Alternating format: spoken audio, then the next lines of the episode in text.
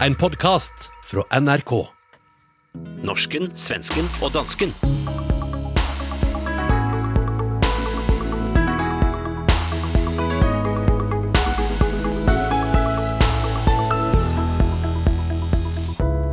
Hva er det svenskene holder på med, eller danskene? Og hvorfor er den norske kronen så forfærdelig svak? Velkommen til norsken, svensken og dansken, internordisk gruppeterapi med ærlige ord fra de dysfunktionella nationalfamiljerna.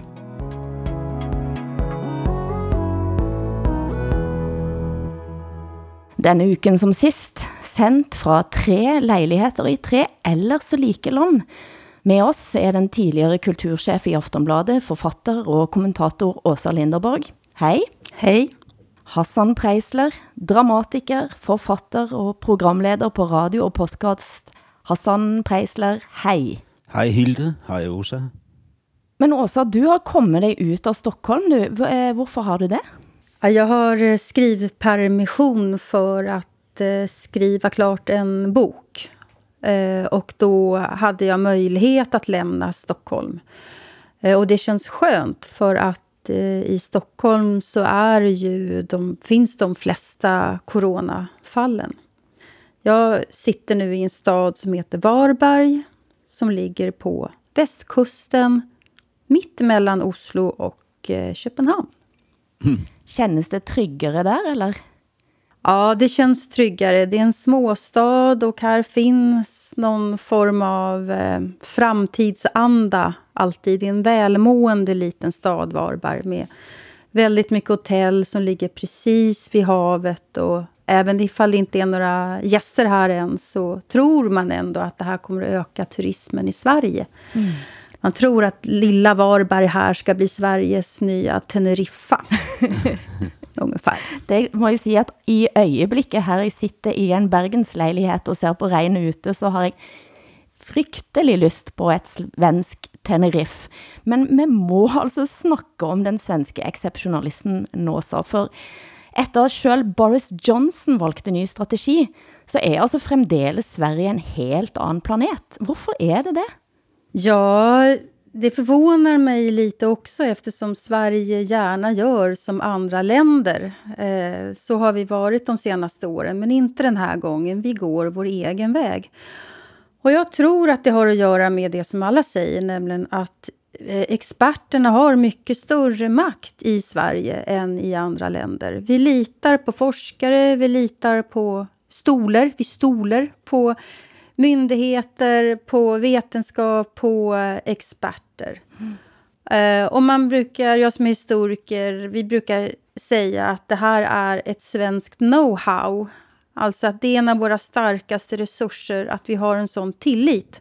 Så det tror jag är förklaringen. Vi gör, vi gör som myndigheterna säger att vi ska göra. Vi tvättar händerna eh, och, och sådär. Men altså, la oss likevel høre på et eh, klipp fra danske Ekstrabladet, som tog sig en tur over broen til en anden verden. Her i Sverige der er alting åbent, som det altid har været. Her på Stadsbiblioteket bliver der lånt bøger og gået på internettet som altid. Coronavirus, den er her. Der, man tager sine forholdsregler, man holder afstand osv. Men Malmø og i Sverige fortsætter livet. Nej, jag är inte så rädd faktiskt. Ja, lite, lite uh, må, må jeg sige, det er lite af hysteri uh, i alla de länder som stänger sina gränser. Det är ganska svårt Ja. eh, som vanlig lekman att och, göra en bedömning. Det är väl Sverige som är dåliga egentligen och inte har stängt. Vi får ju förlita oss på, på att eh, de som är satta att fatta besluten fattar korrekta beslut. Och det är ju inte omöjligt att Sverige eh, skärper till eh, situationen och stänger ner så småningom. Sidste uke så utbrøt du, Hassan, at vi tre høres ut som tre kjedelige nationalister. Har du fått et nytt syn på svenskene nå? Nej, det ved jeg ikke. Altså, øh, jeg, jeg har fået et, et nyt syn på, på danskheden, altså på os som danskere, end jeg havde sidste uge. Der vil, der vil jeg nok øh, sige, at jeg var øh, øh, positiv i en grad, som jeg selv er chokeret over, at jeg kunne være. Men det var jo nok den psykologiske mekanisme, som ligesom opstår i sådan en krisesituation, der gør, at man stemler sammen i sin flok omkring sin leder. Altså, jeg, jeg tror, det var det, jeg gjorde. Jeg blev en pingvin, altså, som skuttede sig sammen med de andre pingviner mm. for at få varmen i denne her farlige tid. Du har, du har blant annet eh, følt ganske tæt med på Mette Fredriksen, deres statsminister, som forrige uke hørte, fremstod som en helt. Eh, men, eh, men vi kan høre et lite klipp på eh, en, fra en pressekonference. Vi står på ubetrådt land, og der er mange tunge dilemmaer. De sværeste beslutninger i den tid, jeg selv har været politiker, det vil jeg overhovedet ikke lægge skjul på. Men der sker også meget i Danmark i de her dage, som giver håb hjælpsomhed, solidaritet og sammenhold. Vi har sat den kurs, hvor Danmark i virkeligheden viser sit værd, og hvor rigtig mange mennesker tager et stort ansvar, også for at passe på andre.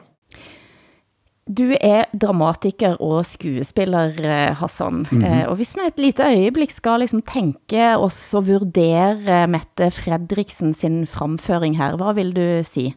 Jamen, jeg har jo tænkt over, når jeg ser hende, hvilken karakter, det er, hun minder mig om. Altså, hvem er det, hun vækker tanker i retning af? Men der har jeg fundet ud af, at det er faktisk ikke et, en specifik person eller karakter.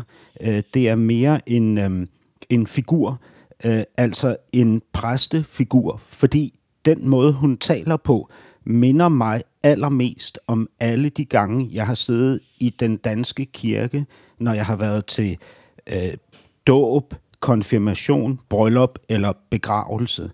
Øh, og det er jo også øh, begreber fra de her øh, begivenheder, som hun bruger i sine taler. Altså både noget tilbageskuende og alvorligt, men også noget, der peger mod fremtiden og er håbefuldt. Altså det, som en præst ville stå og sige i de store, øh, alvorlige og glædelige situationer, vi oplever i vores liv. Altså, hun er jo en landspræst, kan man sige. Hvordan virker det på dig?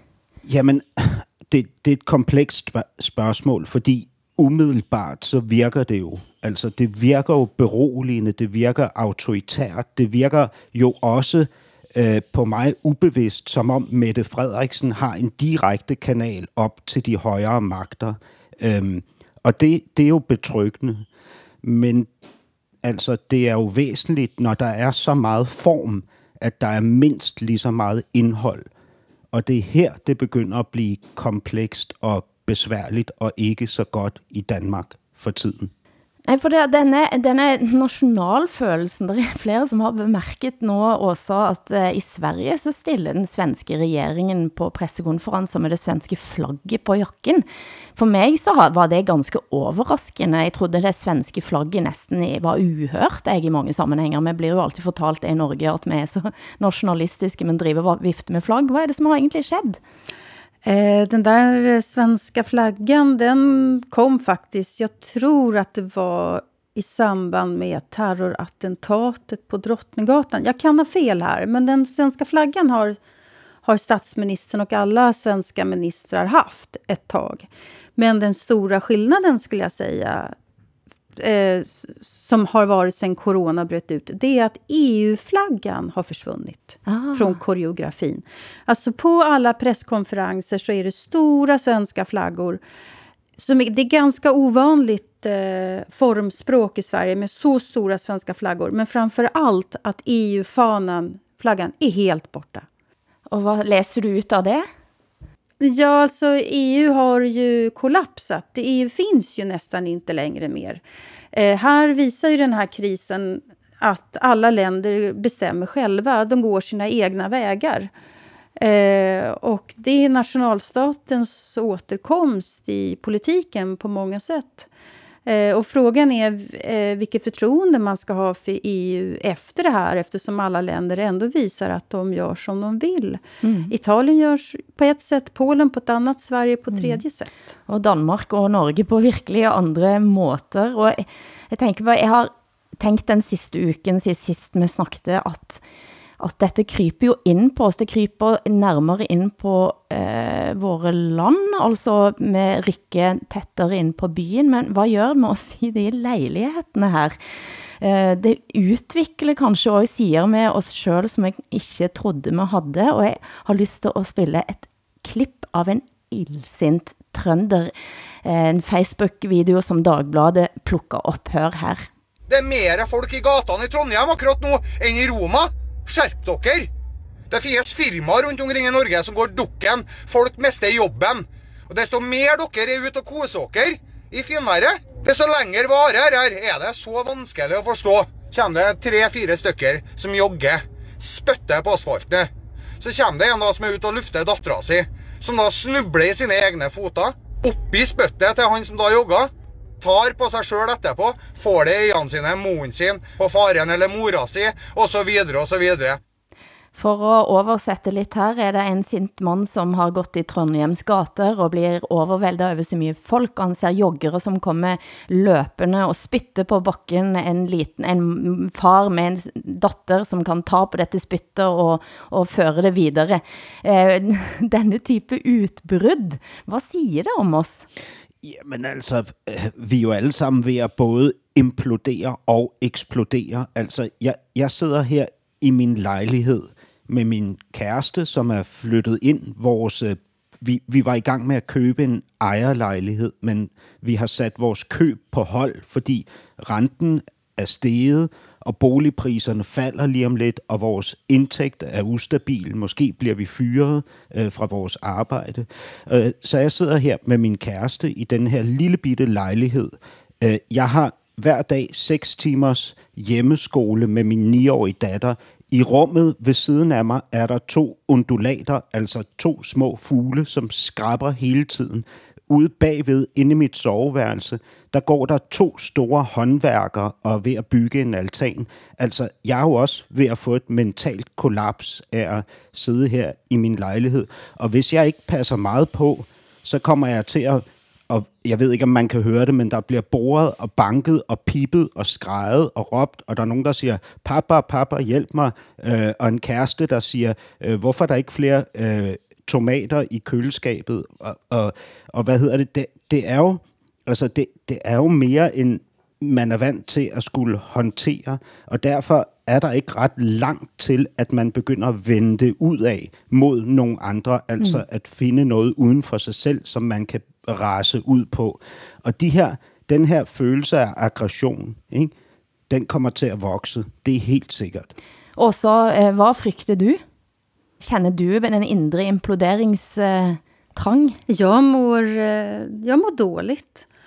Eh, och jag skäms inte att säga det. Vi har drabbats, hela världen har drabbats av någonting som är fullständigt ofattbart. Eh, det finns ingen tydlig fiende som man kan argumentera mot eller slå ner, utan det här är någonting som far runt i hela världen och skapar massarbetslöshet. Och det är det jag är mest rädd för. den ekonomiska stressen. Mm. Vad som ska hända med alla människor som förlorar sina arbeten och som kommer att förlora sina bostäder. Mm.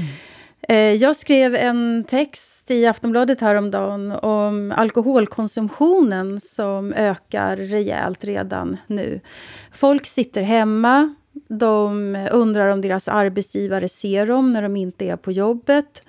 De kände sig osynliga från början och nu undrar de, är det någon som minns mig? Eh, man oroar sig över sin inkomst. Eh, och när klockan är två så enda sättet att stilla sin angst är att ta ett glas vin. Och sen tar man ett glas till. Och sen så lyssnar man på nyheten och så tar man ett tredje glas. Eh, och det här är... De som brottas med ett alkoholproblem... Eh, är som sliter. De som sliter med ett alkoholproblem, det går väldigt fort att ramla ner i det där svarta hålet. Mm. Eh, det minns jag från min egen barndom. Min pappa var ju alkoholiserad. Hur fort det kan gå. Som du har skrivit bok om. Ja, precis. Och vad experterna säger nu också, det är att kvinnomisshandeln kommer att öka. Människor som är gifta med varandra och kanske egentligen inte trivs med varandra, inte tycker om varandra särskilt mycket. De måste gå hemma hela tiden. Mm. De dricker alkohol, de börjar bråka och så vidare. och Så vidare. Så det är så mycket mänskliga tragedier som ligger i det här. Eh, jag tycker det är otäckt. Hvordan har du det, Hilde? Nej, altså, jeg, jeg har tänkt ganske mye på det, og, og, og en blir jo kjent med sig selv i sådana krisesituationer. För eh, For jeg er som, som dere, så er jeg urolig både for, eh, ja, en kan være urolig for sig selv, men jeg er på en måte mer urolig for, for verden og hvor dette går. Og så, så märker jeg jo, jeg ser at de diskussioner som man prøver at ta om klassespørgsmål i dette for eksempel, de når næsten ikke igennem i medierne i øjeblikket, for de historierne vi får er jo veldig mye middelklassehistorier, sant? Med folk som faktisk mm. fikser det livet vi nå i en liten periode har. Mm. For min del, jeg har jo været totalt alene i karantene, og det er en helt anden situation end at leve tæt på mange mennesker. Og på en måte så må jeg vel indrømme, at, at jeg har været lidt glad for det. Hvis man zoomer lidt ud og kigger på os tre, altså Åsa, Hilda, Hilde og Hassan, ja. så er vi jo en del af det store hele, og vi er faktisk også en del af en klassisk dramatisk struktur. Mm. Altså, der er jo forskellige trin uh, i det kollektive, når det mødes af en krise, eller når, når det møder en krise. Og det første trin er jo åbenbaringen, altså hvem er jeg, hvad er mine værdier, hvor langt er jeg villig til at gå for mine værdier. Øh, det, det næste trin, det er en form for øhm, et, et stort spørgsmål. Hvorfor sker det her? Hvor vi forsøger at skabe orden i kaos, altså kontrollere situationen. Og her, der er ritualerne øh, altid gældende. Før i tiden, så var det bønden i kirken. I den her situation, så er det håndvask eller afspritning af hænderne. Og her, der konstruerer vi også vores helte og vores skurke. Og så kommer tredje trin, i dramaturgien, hvor jeg tror, vi er nu, som er responsen, både den intellektuelle og den følelsesmæssige respons, altså en vurdering af situationen. Men hvad er det, som gør, at vi så lite tar ind over os? Altså, jeg tænker på din artikel, Åsa. Hvad var responsen på den? Ja, responsen på den var att väldigt många kände igen sig. Um, en annan respons var ju naturligtvis de som inte tycker om mig från början. De, de tror ju nu att jag är alkoholist. Ja. Uh, det är den här trista, alltså, menings, meningslösa responsen. Men uh, jag tror att jag aktualiserar någonting som faktiskt är, är på riktigt här. Och uh, även om vi bekämpar corona så kommer vi att ha så enormt stora folkhälsoproblem framför oss. Massarbetslöshet skapar massdöd. Eh, det vet vi.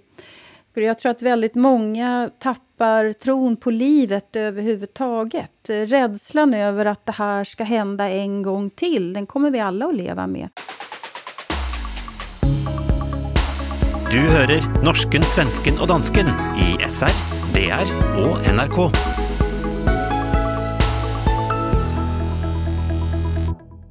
Forrige gang når vi snakket, så var vi inne om altså den økonomiske værdien av et liv. Og vi sa vel egentlig at den debatten kom til at komme, og den har nå skutt fart i alle land, eh, der man sitter og vurderer de tiltakene som vi er i gang med nå, upp mot antal mennesker som død, dør. Og finansminister Jan Tore Sanner er her i debatt med professor i samhällsekonomi fra NTNU, Jan Olaf Olausen, om verdien av et statistisk liv. Der står det svart på hvitt at den økonomiske verdien som Olausen sier, av et statistisk liv i Norge settes til 34,65 millioner kroner. Så denne prioriteringen, den gjøres allerede. Og da, hvorfor gjør dere ikke den nå? Jo, vi, vi, vi gjør den prioriteringen nå. Eh, men vi står også i en situasjon hvor vi skal stoppe smitten, hvor vi skal skape trygghet, og hvor vi også skal trygge arbeidsplassene. Disse 34,65 millioner som, som, dere har satt som prislapp på hver og en av oss, de gjelder f.eks. som Olausen sier, når det, når det er snakk om kreftbehandling. Da gjelder den prisen. Nå er, det jo ikke, nå er det ikke vi som politikere som har satt den prisen, eh, men det er laget beregninger på det. Står at man skal ta utgangspunkt i den prisen? Ja, jeg, jeg har ikke de tallene på, på, på mitt, eh, mitt, bord. Nå er vi i en situasjon hvor det handler om å ta vare ja, men du på kjenner til det tallet. Du, du, vet at det er sånn. Jo, men, men Dette er utredningsinstruksen som du må følge. Vi, vi, opplever nå en, en pandemi. Eh, og da er det regjeringens ansvar i Norge å stoppe smitten, ta vare på liv og helse, skape trygghet og også sørge for at vi har levedyktige bedrifter når vi kommer ut på andre siden. Det er det dette handler om. Her fikk vi altså kroner og øre på vad et norsk liv er verdt, rent statistisk. Um, og den diskussionen om de tiltakene, som vi er i gang med nå, er så vidt i gang. Uh, hvordan ser det ut eh, hos dere, Hassan? Jamen altså, det eneste jeg har set, som ligner det, du lige illustrerede, Hilde, det er en dansk læge, øh, som er 72 år gammel, 72 år gammel, som sagde, at, og, og som i øvrigt selv er lungesyg, han sagde, det er en for dyr pris at betale, at I forsøger at redde mit liv, når omkostningerne sidenhen vil blive så enormt store, som de er. Men det er jo, øh, som Åsa også var inde på, ikke kun på det økonomiske område, det er jo også på det menneskelige område. Fordi hvis vi, vi kan jo godt gøre et liv op i kroner og øre, og det er måske også rimeligt at gøre det, men det er vel endnu mere øh, rimeligt at gøre, det op, gøre et menneskeliv op i menneskeliv. Fordi hvis konsekvensen af, at vi redder et menneske i den her situation, er, at 10 andre dør på den lange bane, så er det måske ikke en pris, som er værd at betale. Og det er vi jo nødt til at tale om, hvor frygteligt det end er. Men jag tänker så här då, att förr i världen så gick män ut i krig eh, för Gud och för fosterlandet och för kungen och kronan och sådär. Man var tvungen att tro på någonting som var större än en själv för att offra sitt liv. Eh, här så, så kommer vi att offra massa liv för en annan idé, nämligen idén om alla människors lika värde. Eh, att vi ska inte göra skillnad på gamla människor och på, på lungsjuka och de som har diabetes och så vidare, underliggande sjukdomar, utan alla människor är lika mycket värda och därför så ska eh, vi, vi stänga ner hela samhället. Och det där är ju svårt i en konkret situation. Vad kan man begära för solidaritet av någon som förlorar sitt arbete och förlorar sin bostad och så vidare? Eh, det, det här ställs, det, frågan om alla människors lika värde ställs på sin spets. Verkligen. Och ingen av oss vet ju egentligen, om vi inte skulle göra så här, så vet vi inte hur många som skulle smittas och dö.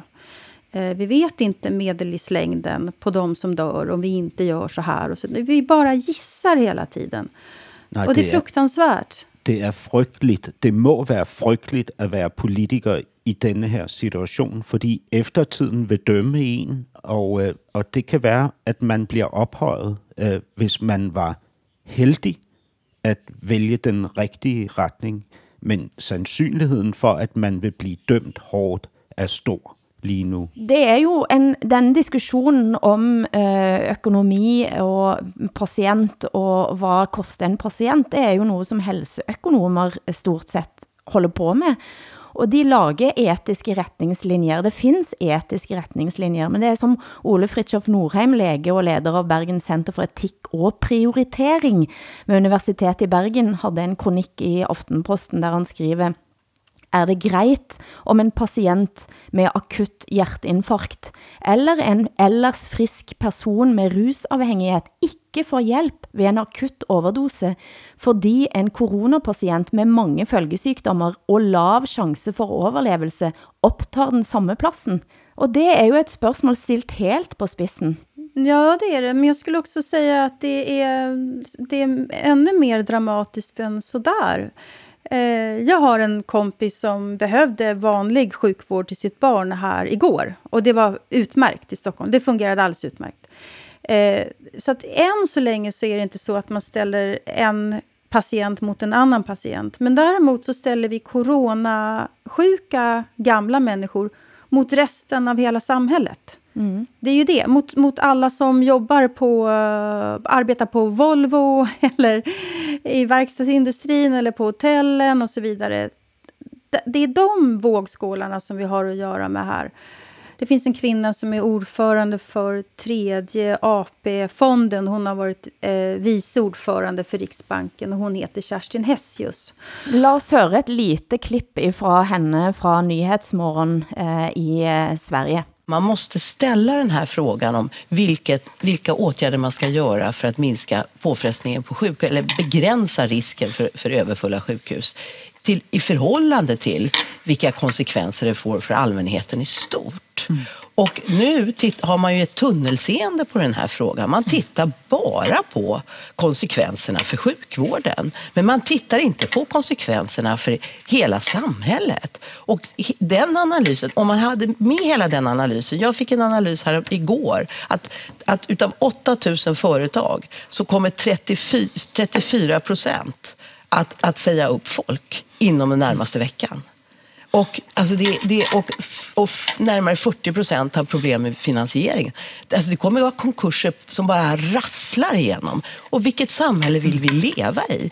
Här, här pratar vi om döden, vi måste också prata om livet. Mm. Det är alltså Kerstin Hessius som eh, är leder vd ved tredje AP-fond och tidigare vice riksbankschef.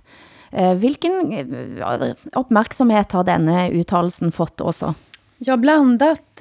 Först så, så folk blev ju förskräckta. Det var väldigt osvenskt att eh, prata på det där viset. I Sverige så ska man inte ställa människor mot varandra. Och man sa också att hon tänker bara på näringslivet och ekonomin, hon tänker inte på människor. Men jag skulle säga att det är det hon gör. Hon tänker ju på alla människor som ramlar ner här i massarbetslöshet. Och den enorma eh, ekonomiska stress som det kommer att medföra. Eh, och vi vet att det kommer att förkorta livet helt enkelt. Medellivslängden kommer att sjunka rejält hos de, allra, de som redan har det svårast. Det vet vi redan nu. Jag är glad att hon vågar ta upp den här frågan, därför att det måste man göra. Och det finns inga självklara svar, men det var modigt av henne, tycker jag. Och eh, eh jag tror att man kommer att diskutera hennes eh, problemställning lite mer ödmjukt faktiskt här framöver eh, de kommande dagarna. Jag tror det. Alltså bara sist uke så var det 185 300 norrmän som sökte dagpengar eh, i Norge. Och NHO, altså Næringslivsforeningen, organisationen, har varslat att arbetsledigheten ikke har været højere end siden store depressionen på 1930-tallet. Hur eh, hvordan ser det ut i Danmark, Hassan? Jamen, der, der er også naturligvis en stor stigning av arbejdsløse, som henvender sig på jobcentrene. Det er klart. Altså, der har været masse fyringer på de nogle af de store, ikoniske danske virksomheder. Det ved vi. Och og der kommer mere af det.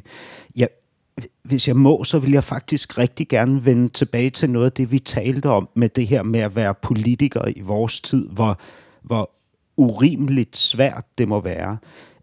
Fordi det er jo sådan, at man som politiker ikke har ubegrænset magt. Man skal have parlamentarismen op at køre, man skal have befolkningen med sig, og man skal kommunikere med medierne og med, med kulturen, kunstlivet osv. Ellers får man ikke gennemført noget. Alt det der, det er sat ud af kraft for tiden. Det betyder, at vores politikere, i hvert fald i Danmark, står som diktatorer. Ikke nødvendigvis diktatorer, som har indført systemer for at undertrykke eller kontrollere befolkningen, men mennesker med ekstrem stor magt. Og den magt, den ekstrem store magt, er ikke god. Og derfor tror jeg, det er sindssygt vigtigt, at vi fortsætter med at være de mennesker, vi er, som journalister, som kunstnere, som meningsdannere, som debattører. Altså, at vi ophører med ukritisk at bakke op om retningen for vores skyld, for vores samfunds skyld, men også for magthavernes skyld. Fordi hvis vi fortsætter med at køre under de her særlove, så kommer det til at gå galt. Vi er simpelthen nødt til at tage os modet og friheden til at tegne kompleksiteten i det her. Vi er ikke, vi kan ikke gøre os til marionetter. Vi er mennesker, og det er det væsentligste. Vi skal tilbage til det, til det kritiske medborgerskab. Du hører norsken, svensken og dansken i SR, DR og NRK. Nei, for eh, det er det som jeg har eh, kanskje også begynt å se den siste uken, er at denne lydigheten som vi har haft, den fører også til noen litt eh, sorte sider. Um, I Sverige har det blitt en stor eh, debatt, eh, blandt efter at det blev kjent at det er Sex svensk-somaliske män som har eh, död av corona. Och låt oss höra här ett klipp från Sveriges Radio. Marsla Omar, leder för Svensk-somalisk lägeförening. Vi ser idag frukten av trångboddheten. det är att det leder till att många, många fler blir sjuka. Vi vet att många lokaler, föreningar, moskéer håller fortfarande öppet med tanke på hur spridningen ser ut idag. Förutom trångboddhet och dålig information lyfter Marsla Omar också upp den eh, kulturella aspekten. Många somalier fortsätter skaka hand och kramas när de träffas även om Folkhälsomyndigheten uppmanar till att vara försiktig med fysisk närhet. Man får inte träffas och, och liksom skaka hand och kramas och hälsa på sjuka, absolut inte. Utan är man frisk så ska man eh, hjälpa till och hjälpa de som är sjuka genom att till exempel handla, eh, men på distans och liksom lämna saker och ting ute på, på dörren. De som är sjuka ska absolut inte röra sig ute bland samhället utan vara hemma. Och det är där det också har brustit. Många, trots att de är sjuka, kommer ut och träffar och går på kafeterier. Och där tycker jag att de flesta affärsverksamheterna här bör ta det här i akt genom att ja, minska på, på ett, kanske öppettiderna, informera mer på ställen om att inte om, om att ha social distansering. Høyreekstreme i Sverige har begynt at bruke dette på ganske så ufint vis. Eh, eh, vad har skett? Eh, ja, jag vet inte exakt vad de har gjort, men eh, naturligtvis så ser de ju nu sin chans här då att attackera eh, det mångkulturella samhället och invandringen och Eh, istället då för att diskutera det här som det stora samhällsproblem det är, som drabbar alla människor, så, oss alla, oavsett om vi får corona eller inte, så riktar de in sig då på, på somalier. Det jag funderar över, det är ju att de är så dåligt informerade. Och om de inte har fått information om corona så undrar jag ju hur mycket de vet om det andra som händer i Sverige överhuvudtaget hur mycket de hänger med i politiken och hur, vilka möjligheter de har att kunna påverka det här samhället eh, som, de, som de bor i. Det här ställ, det är ytterligare ett exempel på där det kanske kan bli allas krig mot alla här nu. Mm. Jag tror att det här corona kan bära med sig hur stora inre konflikter som helst i ett samhälle. Eh, först, först gav man sig på kineserna och sen så gav man sig på koreanerna och sen så eh, nu ger man sig på somalierna och sen så kommer man ge sig på alla som åker upp till fjällen och åker skidor. De får ju skylla sig själva såklart. Men det är ju, det är ju, det skapar aggressioner. Ja, alltså, der, der er jo så absolut, øh, som vi er inde på nu, en risiko for, at vi kan splittes til atomer. Selvfølgelig er der det. Det er jo en indbygget risiko i eksistensen. Men jeg må sige, altså vores modeller, vores systemer, det system, som vi har i de nordiske lande, og som jeg sidder og reflekterer over mange timer i døgnet her, mens jeg er spærret inde i min lejlighed sammen med min datter og to håndværkere, min kæreste og to undulater, det er det, jeg tror bliver vores overlevelse, altså den frie, åbne diskussion af alting til enhver tid at vi fastholder, at det er vores styrke og vores kraft.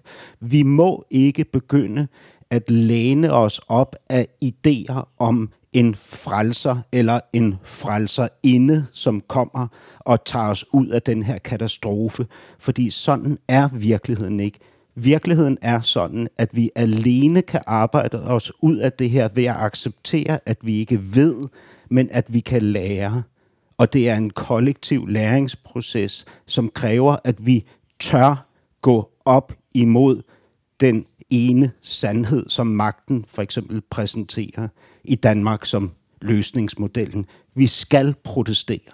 Men hvordan, ser, hvordan vægtes dette op mot uh, eh, netop den tanken også om, at vi må tænke, vi, vi må stole på ekspertisen også?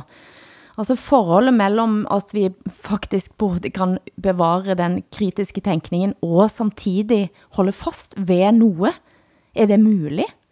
Eh, jag skulle säga att, expert, att experterna är så starka i Sverige och myndigheterna är det. Det är för att den svenska välfärdsstaten i sig själv är så stark.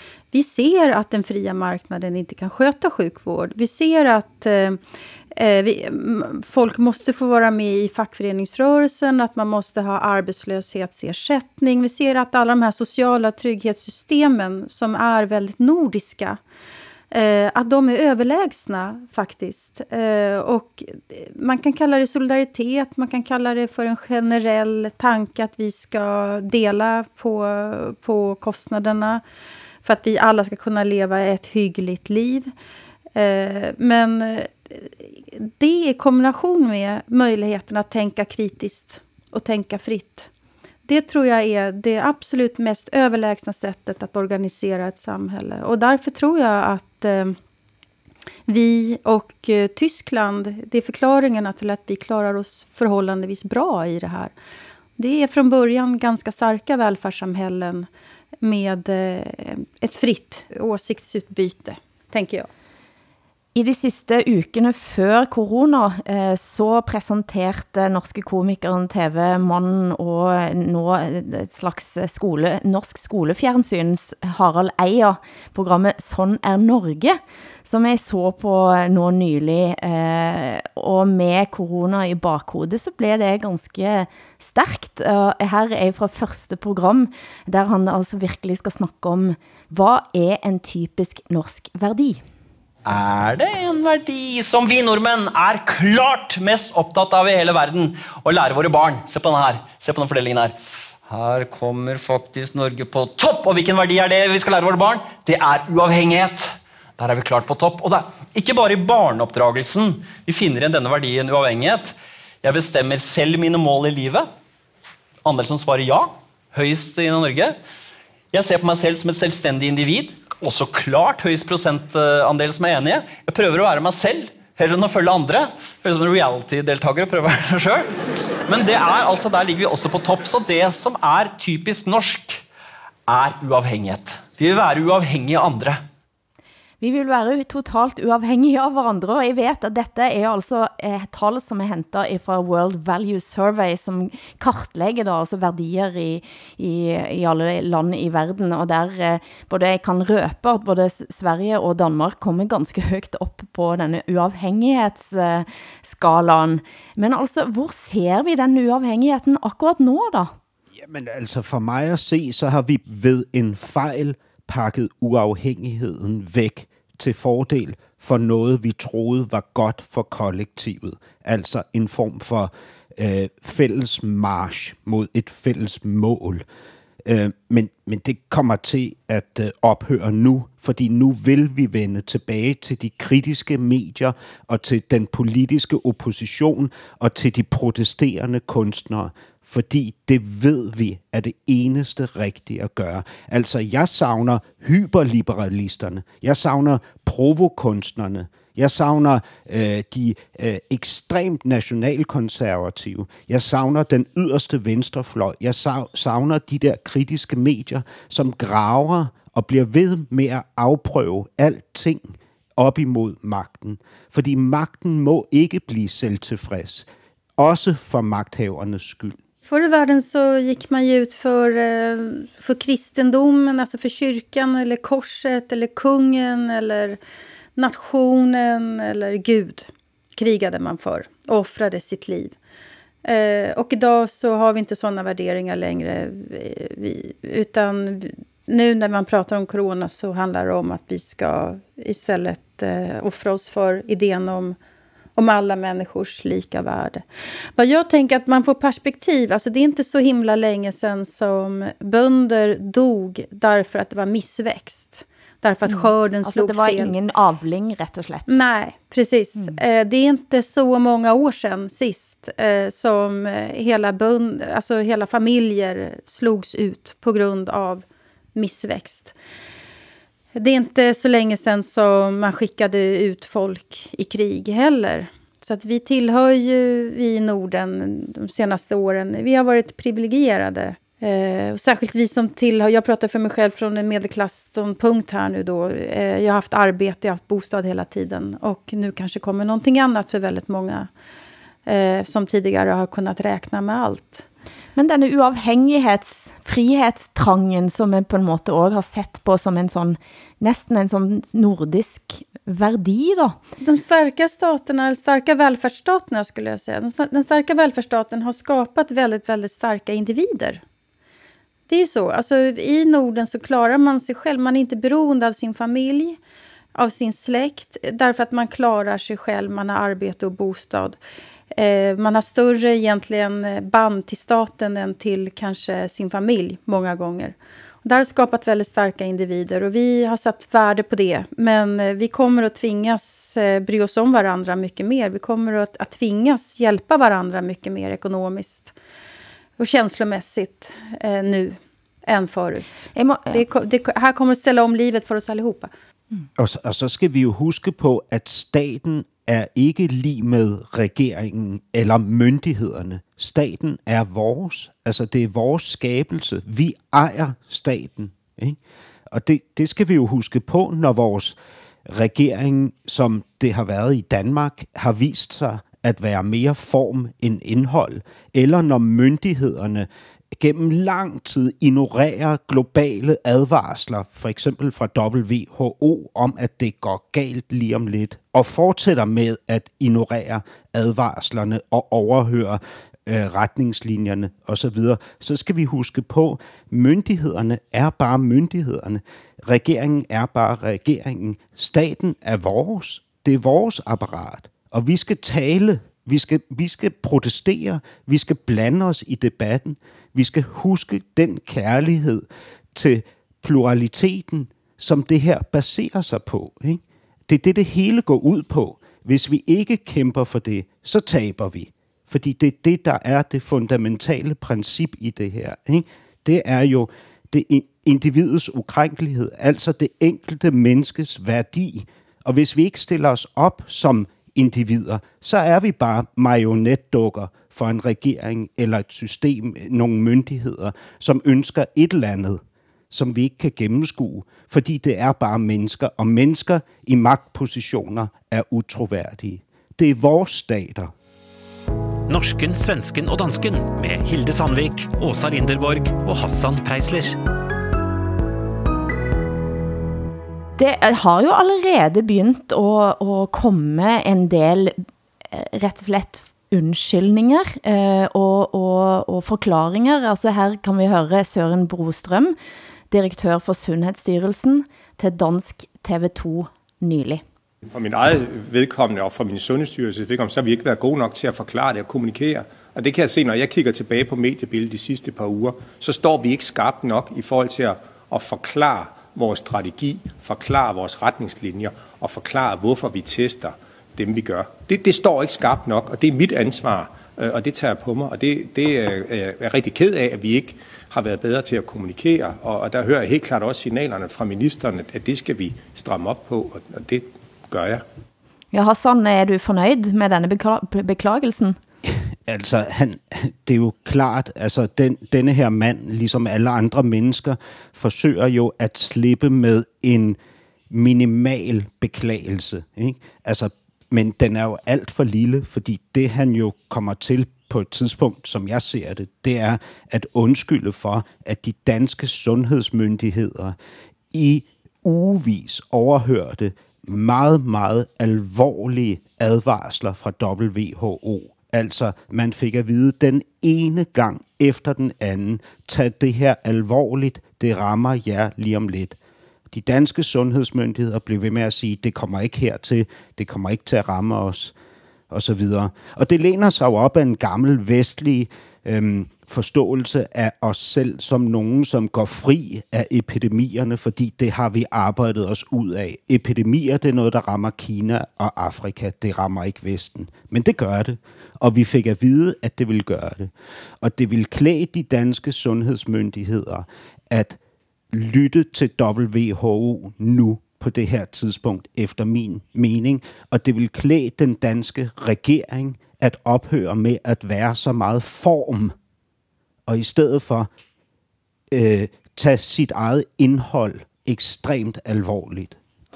Men Hassan, øh, Ed, synes du nu, når du ser mot Sverige, at der er mer indhold og mindre form der?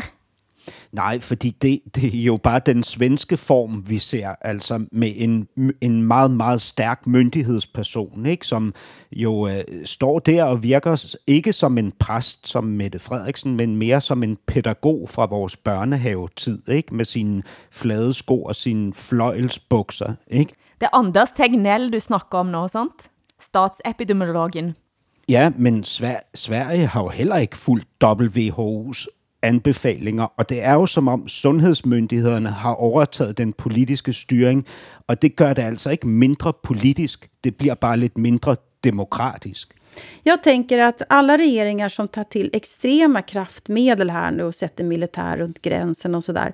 Eh, de kommer ju sen att kunna, kunna säga så här, ja vi gjorde i alla fall vad vi kunde. Det, det, kommer de ju säga. Och om de lyckas så kommer de säga det var för att vi gjorde så här.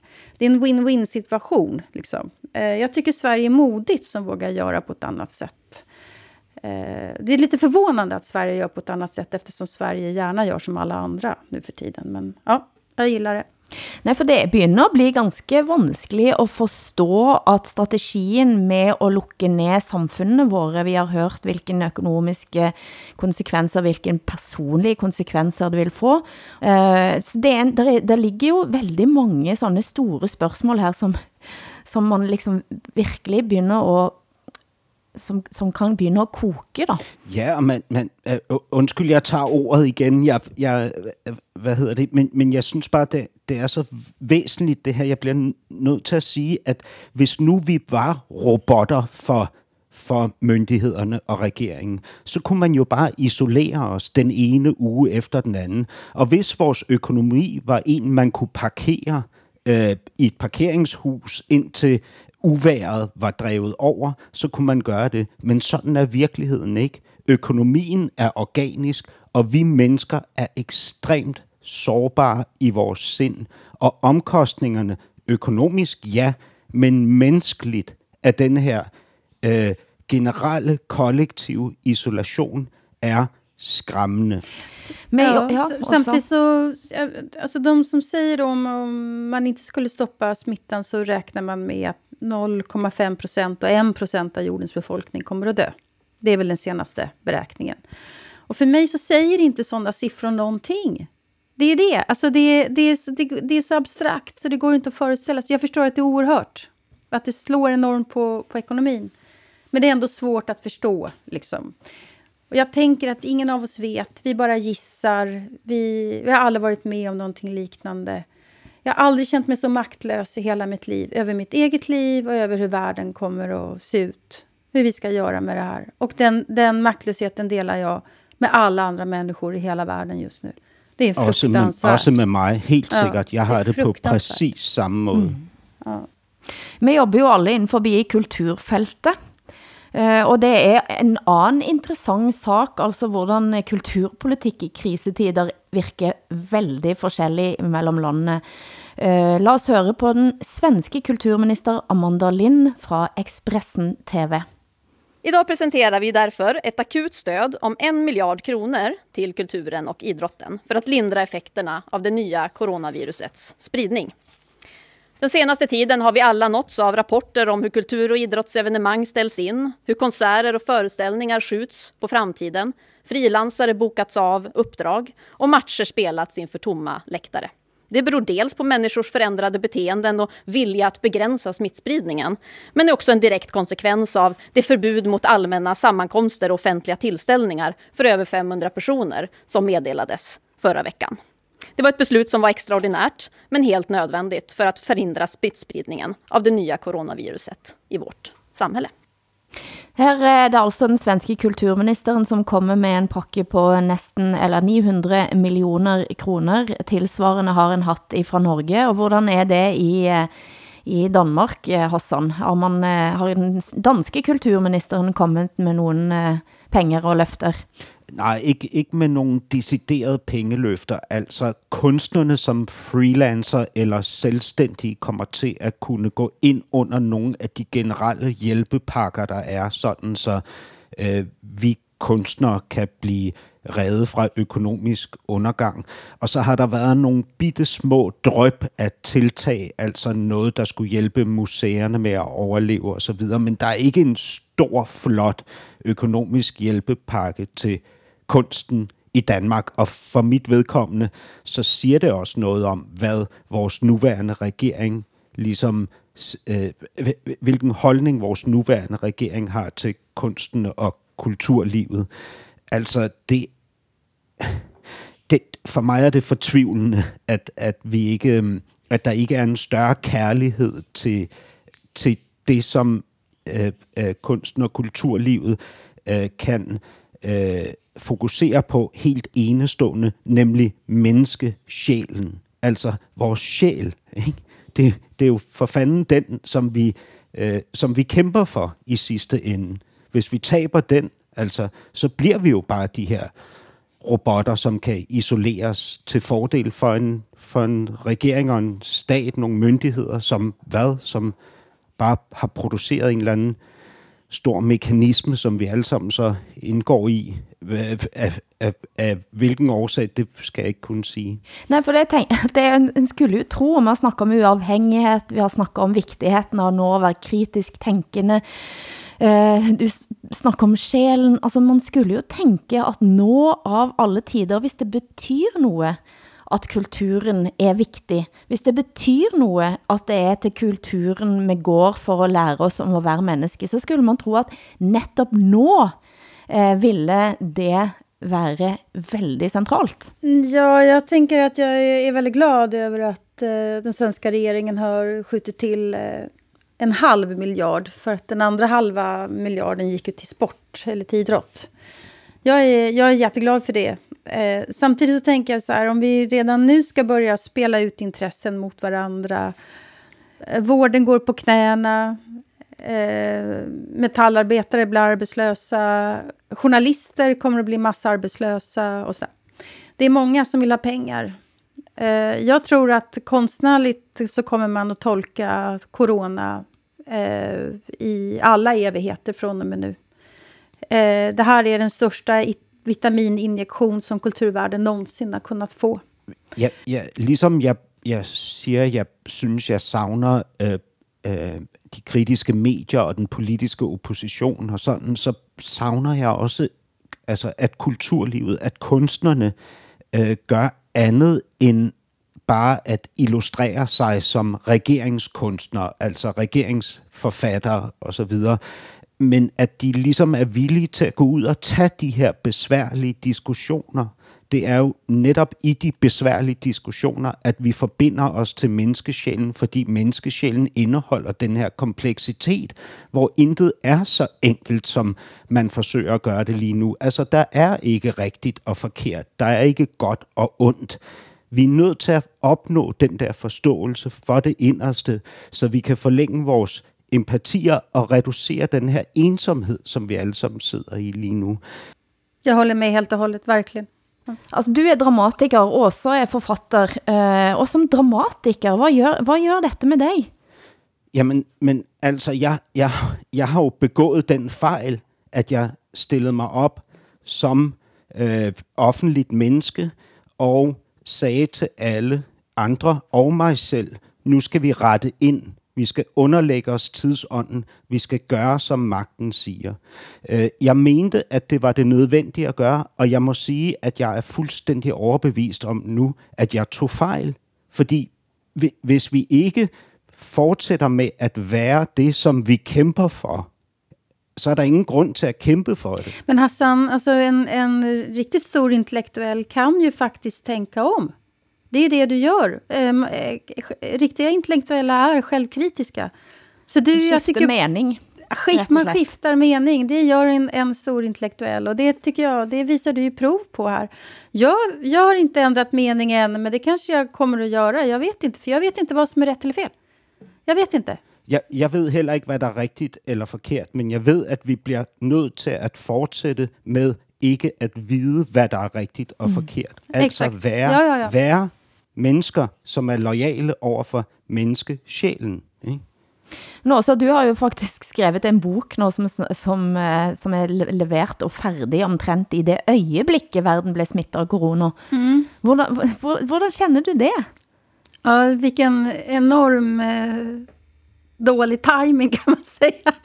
att, att jag skriver en bok om, eh, om allt som jag tyckte var dumt och dåligt innan vi fick corona. Och sen, jag tror alla människor i hela världen längtar till att vakna tillbaka till den världen som fanns innan corona. Och så kommer jag med en bok som kommer ju uppfattas som helt bara, men herregud, jag skiter väl i det där. Men eh, hur, hur världen såg ut 2017 och 2018. Men eh, det är som det är. Jag tror att man kan bara som konstnär fortsätta, eller som människa överhuvudtaget, man får ta en dag i taget, man får ta en timme i taget, man får göra det som man faktiskt kan. Eh, man får slutföra sina projekt, man kan inte ge upp nu. Utan det är bara att kämpa på varje dag och göra så gott man kan faktiskt. Det är ett fint sted att sluta på denna ukens norsken, svensken och dansken, Och vi ska lova att vi ska hålla det gående till nästa vecka. Och då mötes vi igen med Åsa Linderborg från Sverige, Hassan Preisler i Danmark, och här i Norge, mig, Hilde Sandvik.